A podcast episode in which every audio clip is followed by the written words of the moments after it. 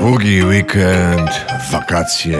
Kto to wymyślił? Zastanawiał się jakiś czas temu mecenas Targowicki. To jak promocja, dwa w jednym. Zaszczebotała Anetka. Można z działki wrócić do domu, żeby odpocząć od wypoczywania. Jak przyszło co do czego Anetce, daliśmy wolne, żeby pojechała szlakiem marszałka lotnika. Bo już powstał taki szlak. Na razie niestety rowerowy. Za to my mieliśmy harować. Nie ma to tamto. No bo jak to niby zrobić, żeby lwom lewicy udało się zdobyć 5%? Albo żeby komisja Kamyk zapunktował na wsi?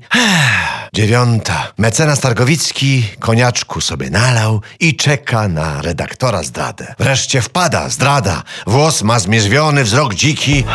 Przejechali mnie. Wrzeszczy. Przejechali. Jak to? Żyjesz? Hulajnogą mnie przejechali.